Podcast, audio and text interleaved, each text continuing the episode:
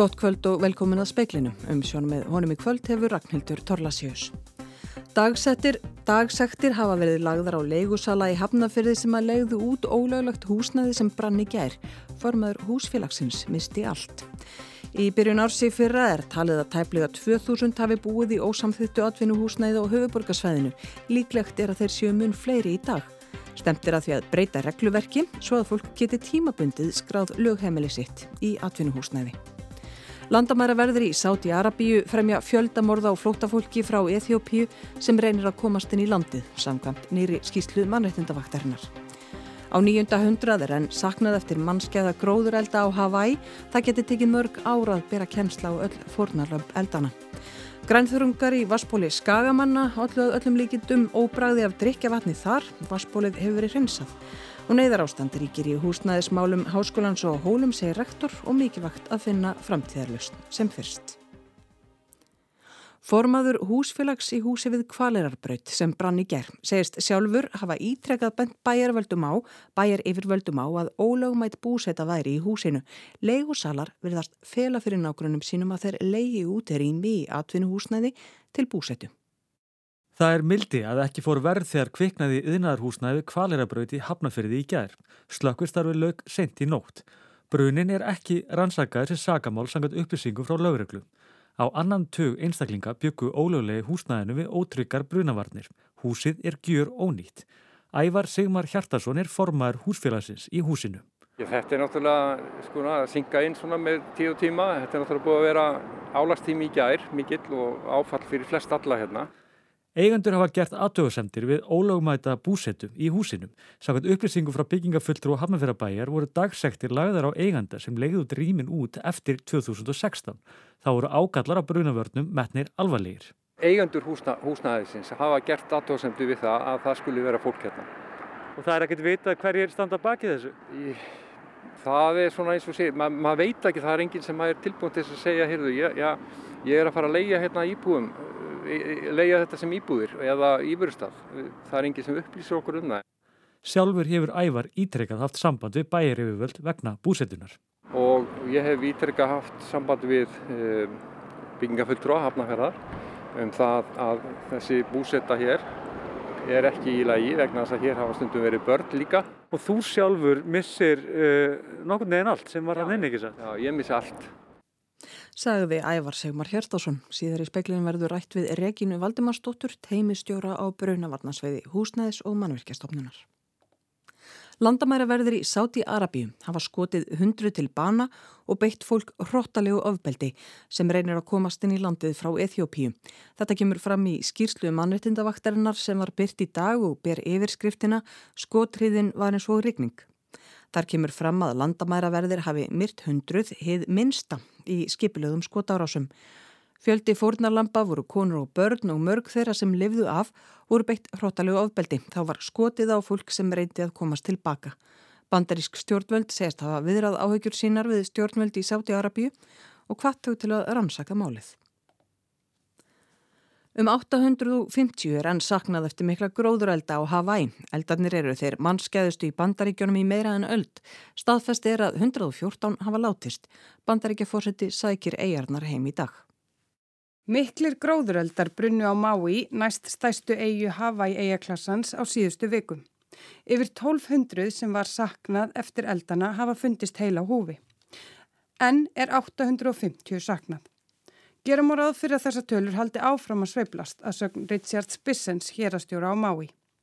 Eldarnir eru taldir verstu náttúruhamfarir í sögu Hawaii. Eldhafið fór svo hrætti yfir að fólki gafst varla tækifæri til að koma sér í burtu. Stóri hlutar ferðamannaborgarinnar La Haina eru gjör ónýtir. Margir festust á gödnum borgarinnar eða stukku í sjóin til að bjarga sér frá eldhafinu. Sérfræðingar segja að það geti tekið mörg ár að bera kennsl á öll fórnarlömp eldana. Ástvinnir þeirra sem enn er saknað hafa verið beðnir um að leggja fram DNA síni til að aðstofa við það. Aðeins hafa verið borin kennsl á 27 þeirra 114 sem þegar hafa fundist látin. Joe Biden, bandaríkjafórsiti, sækir Hawaii heim í dag á samt Jill konusinni. Fórsetahjónin hitta fórnarlömp eldana í La Heina, viðbraðsæðla og full tróa staðbundina stjórnvalda. Bæði fórsitin og stjórnvöld á Hawaii hafi verið gaggrínt fyrir sein viðbröð við hamförunum. Ástælín Magnúsdóttir segði frá.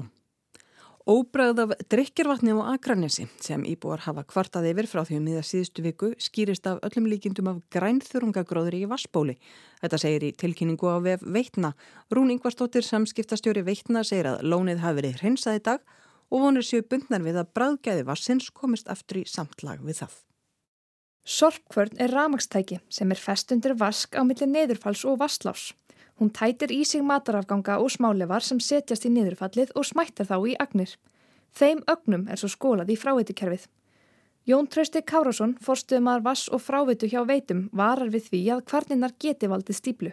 Fráveitukerfin okkar eru ekki hönnuð með við svona búnað og uh, það sem er kannski mestumáli skiptir er að fólk sem að kemur upp svona búnaði heima á sig að það getur bara átt að hættu að, að valda skafa á sínum eigin lögnum og tjóni ef að þarna verða stíplur eða annars líkt sem að þessi úrgangur getur stuðlaða þar að segja að þarna verði einhverja stíplur sem að getur valdið tjóni hjá fólki.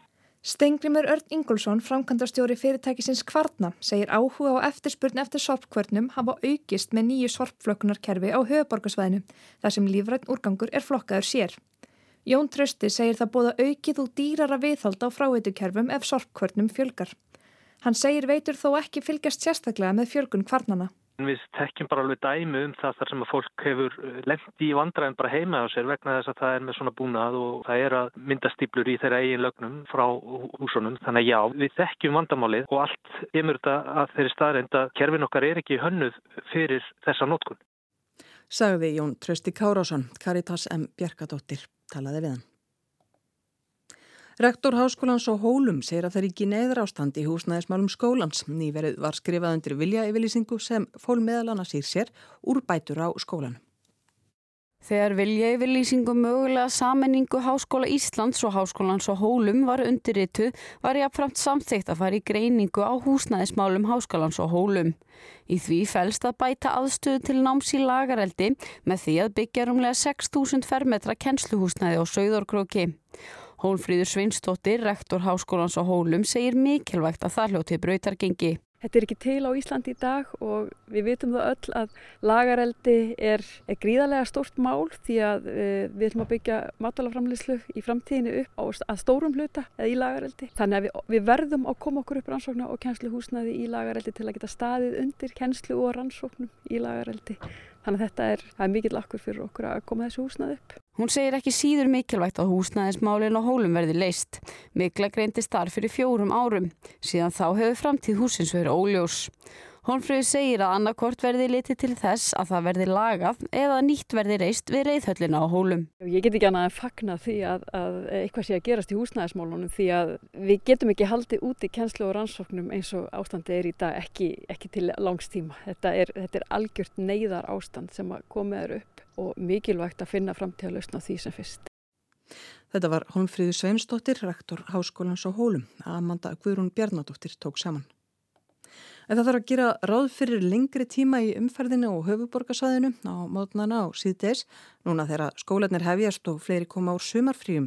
Þetta segir Árni Friðleifsson, aðal varstjóri hjá umferðadeild lögreglunar á höfuborgarsæðinu. Það voru enn viða framkvæmdir í gatnakerfinu og malbyggun stendur sumstaðar enn. Árni segir að umferð hafi gengið vel í dag en verið svo litið þingri enn í síðustu viku. Þráttur það hafi ekki verið mikið um óhöpp þó varð minni áttar slis þegar ekkið var á hjálfriðamann.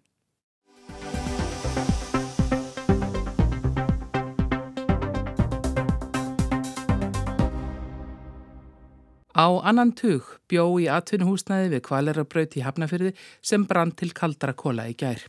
Íbúarnir voru ekki skráður þar til heimilis og gáttu það í raun ekki.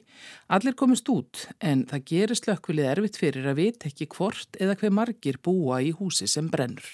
Það, það eru náttúrulega hverki fyrirlikjandi upplýsingar. Fólk uh, getur ekki skráð sig til heimilis þannig að nei við höfum ekkert engar örugar upplýsingar um það. sagði Birgir Finnsson starfandi slökkulistjóri á höfborgarsvæðinu í hátægisfrittum. Húsið við Kvalerabraut var á lista hjá slökkviliðinu yfir hús sem fylgjast þyrti sérstaklega með vegna óleifilegra búsettu. Byggingafulltrúi hafði gert aðtöðasemdir við brunavarnir sem reyndust og alls ekki lægi þegar kviknaði í. Í februari fyrra var byrt úttækt á óleifis búsettu í stærri byðalögum. Þá komi ljós að hátt í 2000 manns byggu í ósamþyktu húsnæði. Regina Valdimarsdóttir, teimistjóri á Brunavarnasviði húsnæðis og mannverkjastofnunar, segir að þá fyrst að hafi leiði fyrir upplýsingar um hver margir byggu þannig. Og samkvæmt þeim upplýsingar sem lágu fyrir í februari fyrra að þá voru tæmla 1900 mann sem byggu þá í slíku húsnæði. Þannig að það er alveg ágætis fjöldi sem hefur búið þannig og, og, og býr enn og, og má jafnvel gera ráð fyrir því að séu enn fleiri í dag sko. Það er ekkit auðvelt að ná auðvitað um þetta? Sko, það er, hana, eins og staðan er í dag, þá er í raun og veru löggefin þess aðlis að það er ekki hægt að skrá sagt, lögheimili eða aðsetur í atvinnuhúsnaði ef til að mynda einstaklingur býr í slíku húsnaði. Það er gert ráð fyrir því að fólk skrái lögheimili í, þá í íbúrhúsnaði. Og uh, við sagt, erum búin að vera að vinna að uh, starfsópur um úrbætur og brunavörnum í húsnaði þar sem fólk hefur búsetu sem manna innverða á þeirra skipaði fyrra Uh, sagt, að úrbúta tilögum þar sem meðal annars er verið að skoða það hvað er þetta að gera þegar kemur að búsutu í atvinnuhúsnaði og, og hvernig getur við náð uh, bara raunveruleg búsutu upp á yfirborðið.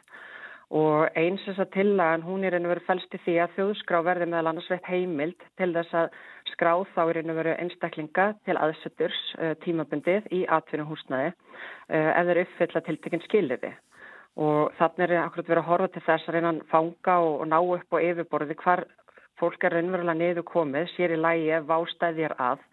Þannig að þegar til dæmis kemur upp atbyrðu eins og núna bara í, í hafnaferði að þá liggi fyrir bara upplýsingar uh, hjá viðbrasaðalum um hvort að fólk sé búsett í húsnæðinu. Regina bendir líka á að það sé eitt af upplýsingar um íbúa og skrá búsettu, annað sé að slökkvilið og eldvarn eftirlit hafi heimildir til að greipa til aðgerða þegar brunavarnin sé ekki lægi það er náttúrulega þannig að í grunninn að þá eru brunavarnir á ábyrð eiganda mannverkis eða eftir aðtökum þá forraðmann og þannig það er náttúrulega að, að veita að tryggja það að slökkulegin hafi viðandi eftirlitsheimildir og það er munur þarna á ef það er um íbúrhúsnaði ræði annarsvegar og, og um atvinnuhúsnaði er að ræða hinsvegar. Þannig að það er sérstaklega jafnframt í þessum uh, skýrsl, uh, í skýrslu starfsópsin sem ég vissi til áðan að þá er jafnframt í raun og verið að leggja til Uh, útfærslur á því að slökkulun séu vektar viðandi e, eftirlitsheimildir til þess að tryggja brunavarnir séu lægi og eftir aðtökum þá bregðast við ef svo ber undir. En slökkulið og eftirlitsaðilar hafa vissar þvingunar heimildir ef brunavarnum er áfátt. En hins vegar það líka tryggja að það er ákveðin stjórnsýsluferill sem fer á stað og, og hann að eigandi en hann náttúrulega á ákveðin rétt og, og það þarf náttúrulega bara tryggja, tryggja að það sé farið eftir viðandi ferlum eigandin sem slíkur, þú veist, ef hann í raun og veru leigir út húsnaði til búsetu eins og, eins og þarna og að þá náttúrulega hefðum við réttu þurft að liggja fyrir tilskilin leiði sem við raun og veru þurft að sækja um hjá, hjá byggingafulltrúa og ef við raun og veru slíkt leikur ekki fyrir að, að þá, hana, þá getur það vissulega ógnað öryggi fólks, það er bara, það kann alveg vera svo. Húsnaði sem mannverkistofnun ber í raun og veru sagt, skilda að rannsaka eldsóða eða verður manntjón eða, eða stórfælt eignatjón og, og jáfnframt ef við teljum að það sé að draga lærdom af brunanum og við höfum verið að skoða náttúrulega eldsóð þegar hann að búsetta er í atvinnuhúsnaði. Þannig að, að máli verið tekið til skoðunar en, en hvað var þar eftirmálana ég í raun og veru get ekki sagt til um það hvernig, hvernig það verður sko. Veturinn 2021-2022 gerðu slökkulegin úttektina sem fyrir var vísa til í samfunni við HMS, Þjóðskrá, Sveitarfjölögin og Alþjóðsamband Íslands og það var farið það að ráða inn mannskap eða sérstaklega svona eftirlitsfulltrúa og þeir þjálfaður upp í það að fara þá er og veru frá húsi til hús og, og, og banka upp og kanna hvort að, að fólk væri búsett og, og þá er og veru eiga samtal við það. Og þannig er og veru þú veist kannski rétt að nefna að þetta er að gerast sérstaklega undir lók ársins 21, byrjun ársins 22 þannig þetta er ennþá og veru verið með ennþá koma undan COVID-inu á þessum tíma Þannig að á þessum tíma hafði raun og veru um, talsvert að til dæmis bara erlendu hann að launafólki þegar yfirgeði landið. Þannig að þó að, að það sé, sé upplýsingar um að það hafi verið tæpla 1900 mann sem voru á höfborgsæðinu. Það má vel ekki ráð fyrir því að þetta sé orðin munhæri tala í dag eftir COVID-ið. Regina segir að talsvert hafi áunist frá því að manntjón varði eldsvoð á Bræðarborgarstík 2020. HMS rannsakaði brunan og í vor kynnti starfsópur um úrbættur á brunavörnum og vegum innviðar á þeirra tillögur meðal annars um hvernig mætti tryggja rétta skráningu fólks í húsnæði. Búist er við frumvarfi þar að lútandi á næsta þingi. Anna Kristín Jónsdóttir tók saman og rætti við Reginu Valdimarsdóttur teimistjóra á brunavarnarsveiði húsnæðis og mannverkjastofnunar.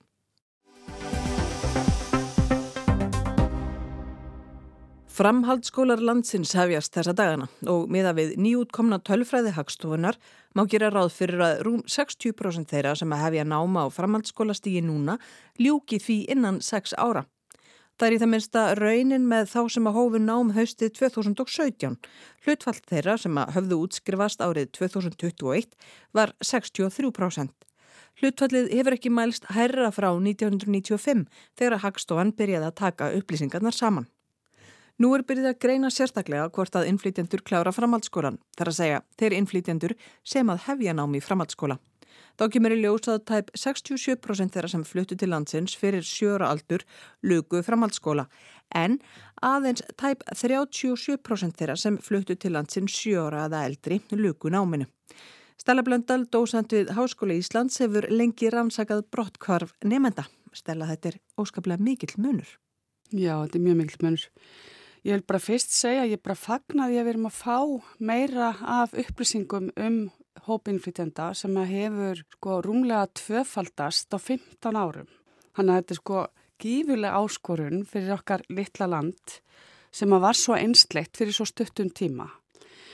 En sko með þessar tölur frá hagstofunni, semst að þau sem að hafa flutt til landsins fyrir sjóra aldur eru bara á pari í raun og veru við nefendur í framhanskólunum sem eru með íslenskan bakgrunn en þau sem er að flytja hingað sjö ára pluss eru svona miklu ólíklegri til þess að ljúka námi.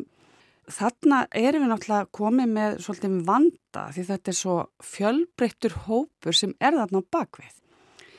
Sumir í hópnum kannski kominga sjö ára í þessum hópi, umrætta hópi sem að þessar tölur er að fjallum sem er komið kannski ynga 14 ára. Hefðbundin skóli á Íslandi er að fara bara í grunnskólan og fara svo bara bengt í framhanskólan 16 ára sem klára grunnskólan.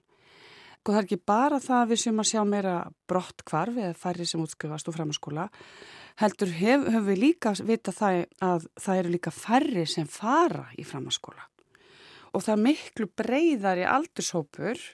Og ertu nýkomin eða ertu búin að vera allar skólagönguna hérna á Íslandi, auðvitað skiptir það miklu máli. En þessu umræða eru auðvitað bara flókin, við erum búin að vita það lengi að það er meira brottkvarf meðal þeirra sem eru með lendanbakurinn. Það er bara það sama og við sjáum annar staðar, ég þekki best til á, á Norðurlundum í Nóri, þeir eru búin að vera miklu lengur að taka á móti útlendingum með miklu vanari Og, en það er ennþá þannig að það, er, það eru færri sem að útskrifast úr nefndahópnum sem eru innflýtendur heldur um meðal hérna. Náttúrulega það sem að gerist við svona er að fólk hefur alla jafna þá minni tækifæri, það verður meiri stjættaskipting og það getur orðið svona mann fram af manni. Já, það er það sem við sjáum í Núri en við erum að passa okkur alveg rosalega því þetta er svo fjölbreyttur hópur og að því að þau eru búin að vera svo lengi og með svo stóran hóp Oslo síðast er í vissi þá er einna hverjum fjórum í íbúum er semst af erlendu bergibrotin. Hjá okkur núna í grunnskólinum að þá er einna hverjum fjórum með erlenda bakgrunn.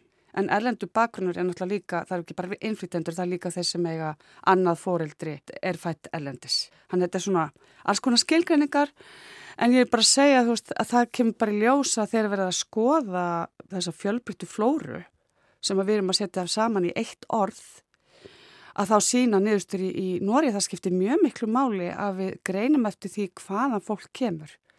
Af hverju er það að koma og er það að leita tækifæra, er það að flýja ofslega erfiðar aðstæður. Mér langar að nefna að brottkvarf er ferli, byrjar vegna þess að það er eitthvað, eitthvað ferli sem fer að stað og lang mesta forspáinn, svona einstaka forspáinn, er fyrir námsárangur og ég get nefnt mjög skýrt dæmi um þetta að nú er lengi búin að vera umræðan um kynjamun á brottkvarfi á Íslandi. Þegar við tökum tillit til þess hvernig nefnendur standa í tíundabekk í íslensku að þá hverfur kynjamunum í raunni. Nefnendur sem er jafn sterkan grunn í íslensku þá skiptir kynið litlega engu máli. Við erum í íslenskt skólakerfi. Það er þarna, sjáum við bara kerfismunin og það er mikið búið í umræðinni og við vitum það að við þurfum að styðja miklu betur við innflytendur þegar kemur að íslensku. Er það leikillin að þessu að það að byggja 12 ára gammalt barn að fara að læra starffræði á íslensku sem það hefur kannski ekki mikið núngáðum grunn í, þar leikur hundunum grafin? Ég ætla að fara aðeins varlegar. Ég ætla að segja sko við erum nýliðar í því að taka á móti svona stórum hópi innflytjenda, hlutfastlega. Og það hlýtur að auðvitað vera gert en við bara þurfum að læra og læra af öðrum þjóðum sem er að standa sér betur, hafa meiri reynslu. Sko skuldbindingin sem er talað verið svona leiðandi aflið því að þú ljúkja námi. Þú sjá tilgang með því, þú hafið áhuga á náminu, þú tellir það gagsamt, þú sjáu tilgangin í því að læra það sem þú ert að læra þú hafi metna, þú hafi framtíðasín, þú ert félagslega tegndur skólanum þínum. Það er ekkert sem bendir til þess að nemyndur af erlendum uppruna sem er minni skuldbindingu til náms. Meiri segja hafa niðurstöður erlendi sínt að það er jafnvel meiri skuldbinding meðal nemynda sem eru innflytjandur heldur en þeirra sem fættir eru í viðkomandi landi og það hefur verið skýrt meðlans með því að foreldrarnir sjá mentun sem lekil að þessu nýja landi, nýja samfélaginu. Þannig að ef þú kemur í Íslands kerfi og þú skilur ekkert hvað þarna fer fram, þá er auðvitað erfitt um tengsl. En við erum með Íslands kerfi, eðlilega, og það lítur að vera algjörlega lekilinn að því að nefndu gangi vel, að þau nái íslenskunum vel og það sé forgámsmál þegar þú kemur inn í kerfið, kannski á hann að fara að læra starfæðin. Svo hefur líka verið talað um það er ekki nóg að læra bara íslensku, það þarf að rækta hana, það þarf að læra orðaforðan og það er líka meiri kröfur eftir sem verður ofar í námi um meiri orðaforða. Eh, þegar við hugsaum um bakgrunn, ég meina hvað hvetur þig? Þú veist, stöðningur fóreldrana, kvartning fóreldra, nú má ekki þetta fengi hjálp þegar þú strandar. Það er má ætla að okkar nefndur af, af íslenskum uppruna eigi oftar möguleika á því, hafi meira, meiri félagsauði kringu sig. Nú tengstu jafnaldra hópin, hvernig er það þau vart ný komin, ég meina þú vart kannski 15 ára gammal, þú þekkir engan og þú kann kannski ekki tungumálið og ekki ennsku, þannig að þetta félagslega skiptir svo miklu máli. Ég vil láka kannski að bæta líka aðeins við og ég er búin að vera að gera núna undarfarið rannsóknir sem snúast um markbyttileika. Svona hugtök er svo klumins brottkvarf það er svo margt að baka við þetta. Og eitt af því sem hefur komið í ljós til dæmis hjá okkur hér, það er andleg helsa að henni færi hrakandi hjá ungu fólki og rannsókn sem við verðum fyrir stuttu síðan sínir að það er ákveðin hópur nefnda sem hættir í framhanskóla sem er mjög illa stattur andlega. Og þetta er eitt af því sem núna verða að beina miklu sjónum að í Noregi meðal innflytenda. Það er andli vanliðan það mun meiri og algengari meðal innflytenda heldur en nefnda með norskan bakgrunn. En ef við ætlum að styðja þá verðum við að vita hver hópurinn er af því það þarf að sérsnýða. En með innflytendur við sjáum bara það er kerfspindur hindrun hún allavega stórun hluta er skortur á íslensku kunnáttu og stuðningi til þess að læra íslensku. Sagði Stella Blöndal.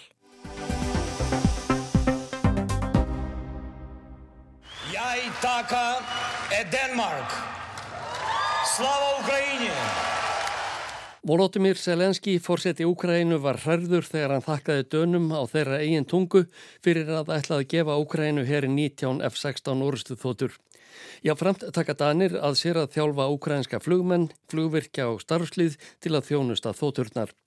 73 manna hópur kom til Skuðstrúp herrstóðverðinnar í Jótlandi á förstu dag þar sem hann fær til sögni meðferð þóttnana. Áætlað er að þjálfunin taki hálft ár. Að fíloknu kemur annar álíka stór hópur ukrainskra flugmanna, flugvirkja og verðandi tæknimanna. Úkrænumenn hafa, nánast frá því að innrás rúsa í landir að hófst, beðið vestran ríki um að senda sér orðstu þótur til að verja lofthelgina. F-16 þóturnar eru framleitar í bandaríkjunum. Þær eru í notkunn víða um heim. Eigandunum er þó óheimilt að selja þær eða gefa nema með samþykki bandaríkjamanna. Joe Biden fórseti var lengi vel tregur til að heimila úkrænumannum að fá F-16 þótur af óta við að þeir yrðu notaðar til að skjóta á borgir í Rúslandi. Í mæ gaf hann sig loksins og á förstu dag tilkynnti Antoni Beinlinken, utanrikisráð þeirra starfsískinum sínum í Danmörku og Hollandi, að ekkert væri lengur því til fyrirstöðu að þau gæfu úkrænumannum þótur. Tveimur dögum síðar kom Selenski fórseti til Hollands til að þakka stjórnvöldum fyrir þóturnar. Mark Rútte, fórsetis ráþara Hollands, sagði að enn væri ekki ljóst hver margar F-16 þótur hollendingar ætluði gefa úkrænumönnum. Það erði ákveðið á næstunni í samráði við samstarfsþjóðir á öryggisviði. Hollenski flugurinn á 42 F-16 þótur. Selenski held síðan til Danmerkur til að tjá þarlendum þakkir ukrainsku þjóðarinnar. Við að töfn í skriðstrúpu herstöðinni tilkynnti Mette Fredriksen forsættisráð þeirra að Danir ætluði að gefa ukrainumönnum herþóturnar að 19. Hún sagði að Danir hefðu fylst af aðdáun með baróttu ukrainumanna gegn innrásar liði rúsa og hugur þjóðarinnar væri hjá þeim. We know that your freedom is our freedom. We also know that you need more. And that is why today we announced that we will donate 19 F-16 fighter jets to Ukraine. Við vitum að frelsi ykkar er okkar frelsi. Við vitum líka að þið þurfið meira. Því tilkynntum við í dag að við ætluðum að senda 19 F-16 orustu þótur til Ukrænu, sagði Mette Fredriksen. Þar með eruðu Danir og Hollendingar fyrstu þjóðirnar til að uppfylla óskýr Ukrænumanna um tæki til að verja lofthelgina og hún vonaði að fleiri þjóðir ættu eftir að fylgja fordæmi þeirra.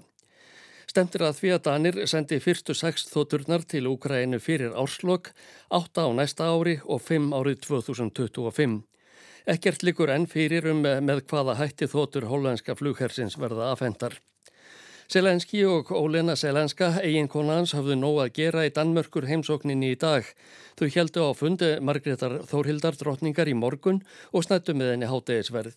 Drottning hefur verið í sumarleifi í Fraklandi að undanförnu og Fridrik Krónprins verið staðgengil hennar. Hún stitti fríið um þrjá daga til að taka á móti Úgræni fórsetta. Eftir hádegi ávarpaði Selenski Dani síðan frá þinghúströppunum í Kristjánsborgarhöll. Þar þakkaðan þinginu fyrir aðstóðina til þessa. Góður rómur var gerður að þakkar ávarpi hans að sögna fréttastofu danska ríkisútvarpsins.